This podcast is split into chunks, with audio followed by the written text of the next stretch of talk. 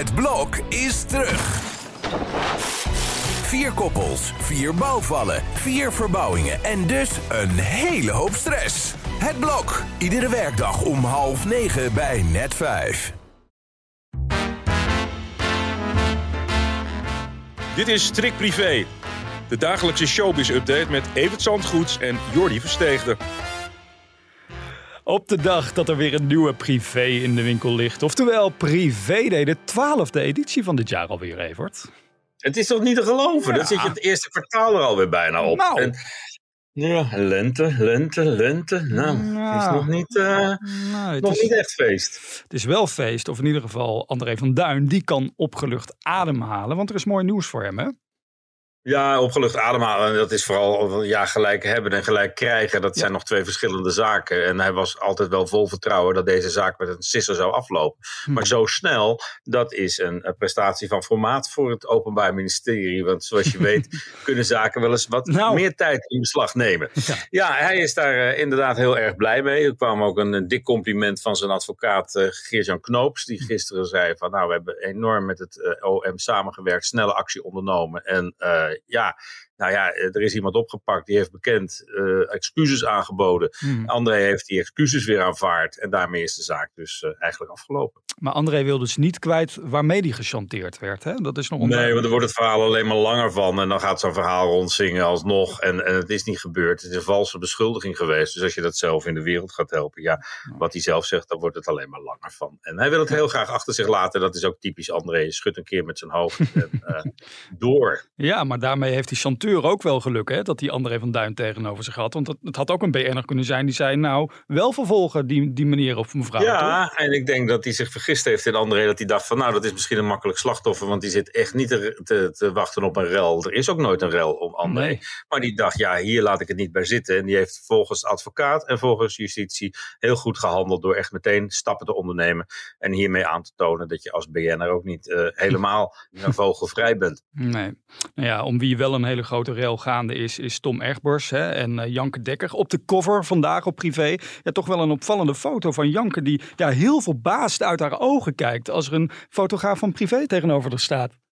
Ja, want die hadden ze kennelijk nog niet gezien op hun nieuwe adres.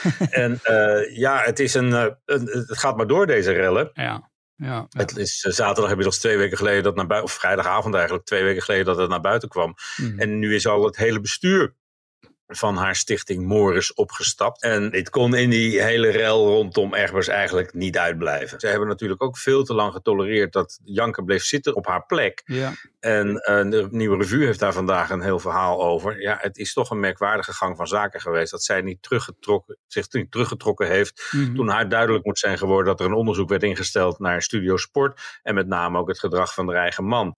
En als je dan als eerste reactie gaat wijzen naar de slachtoffers. Waar je al die maanden, al die jaren dat Morris bestond, juist voor opgekomen bent. Is dat wel een eh, erg ongelukkige actie. Ja. Die eh, geloofwaardigheid eh, in één keer onderuit haalt.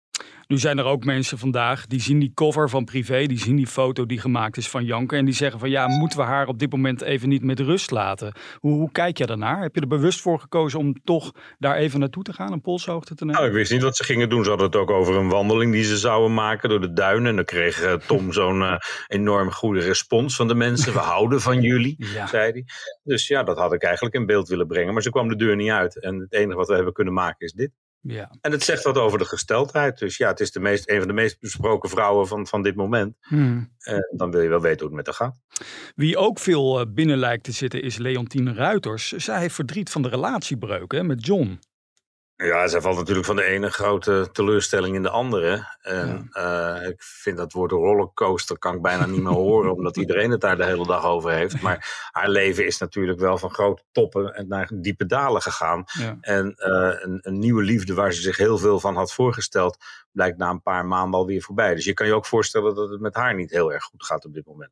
We hebben het er al vaker over gehad, hè? maar zou zij niet gewoon terugkeren uiteindelijk bij Marco? Is dat niet gewoon haar grote liefde?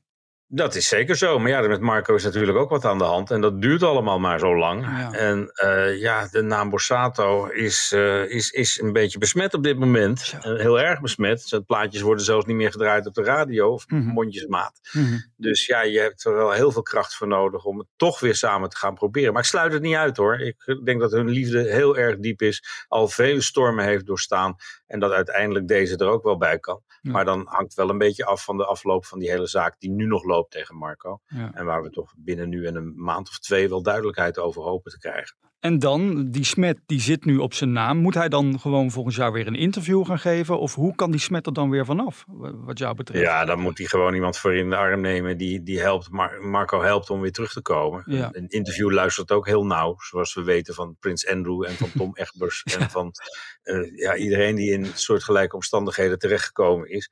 Het zou heel erg afhangen van uh, de uitkomst van, het, van, van, van de rechtszaak.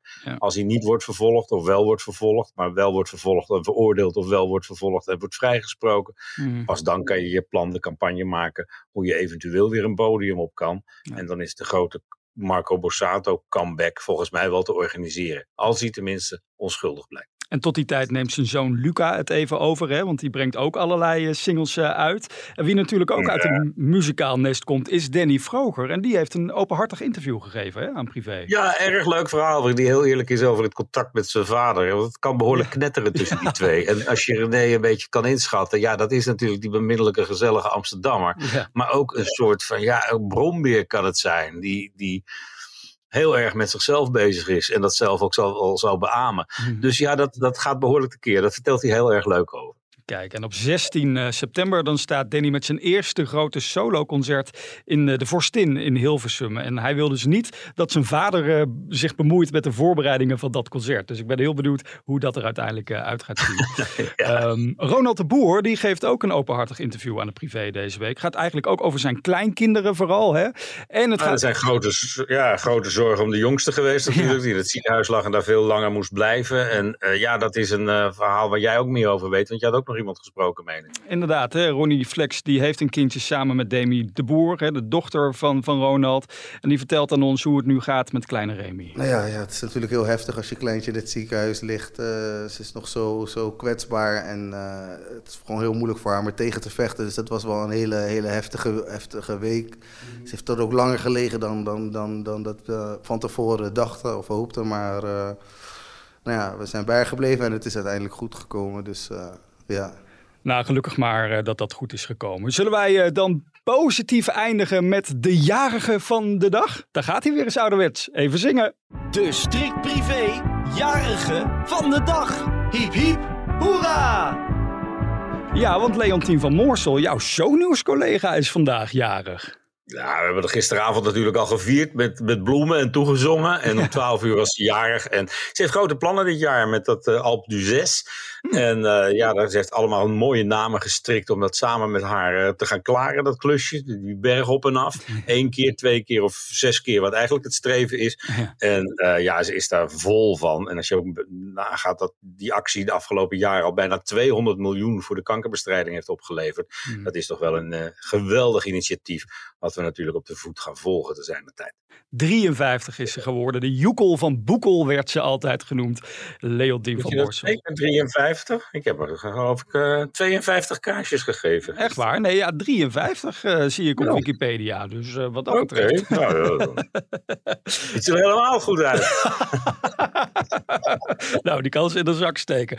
Astrid Joosten, die mogen we ook nog feliciteren vandaag. 2 voor 12 Astrid. 65 ja, is zij. Over goed uitzien gesproken. Het is ongelooflijk. Die vrouw verandert helemaal niks. Die klok die blijft staan op 2 voor 12. Het ja. Is, ja, die wordt niet ouder. Nee. Dat is onvoorstelbaar. Echt een, een, een, vaste waarde op de Nederlandse televisie. Zo lang al. Geweldig mensen om, om naar te kijken en naar te luisteren. En uh, ja, ik vind haar programma 2 voor 12 toch nog steeds een van de klassiekers van de televisie natuurlijk. Altijd al het aanzien waard. En hmm. soms weet ik heel veel, mm -hmm. maar soms heb ik ook niet, niet één letter goed, geloof ik, zonder het op te zoeken. En dat blijft toch een heel bijzondere quiz, vind ik. Ja, ik, ik mag het eigenlijk niet zeggen, maar ik zit dus nog ooit te wachten op een aflevering dat gewoon twee kandidaten gewoon helemaal niets weten. Dat ze dan met nul letters het, het, het twaalf eh, letterwoord moeten gaan raden. Ja, ja maar dan moeten wij ons opgeven. Dan moeten wij ons opgeven. nou, laten we dat bij deze maar even gaan doen dan. Goed, wij zijn er weer doorheen uh, op deze feestelijke privé-day. Morgen weer, hè, denk ik. Dat denk ik ook om 12 uur. Tot dan. Tot morgen, tot dan.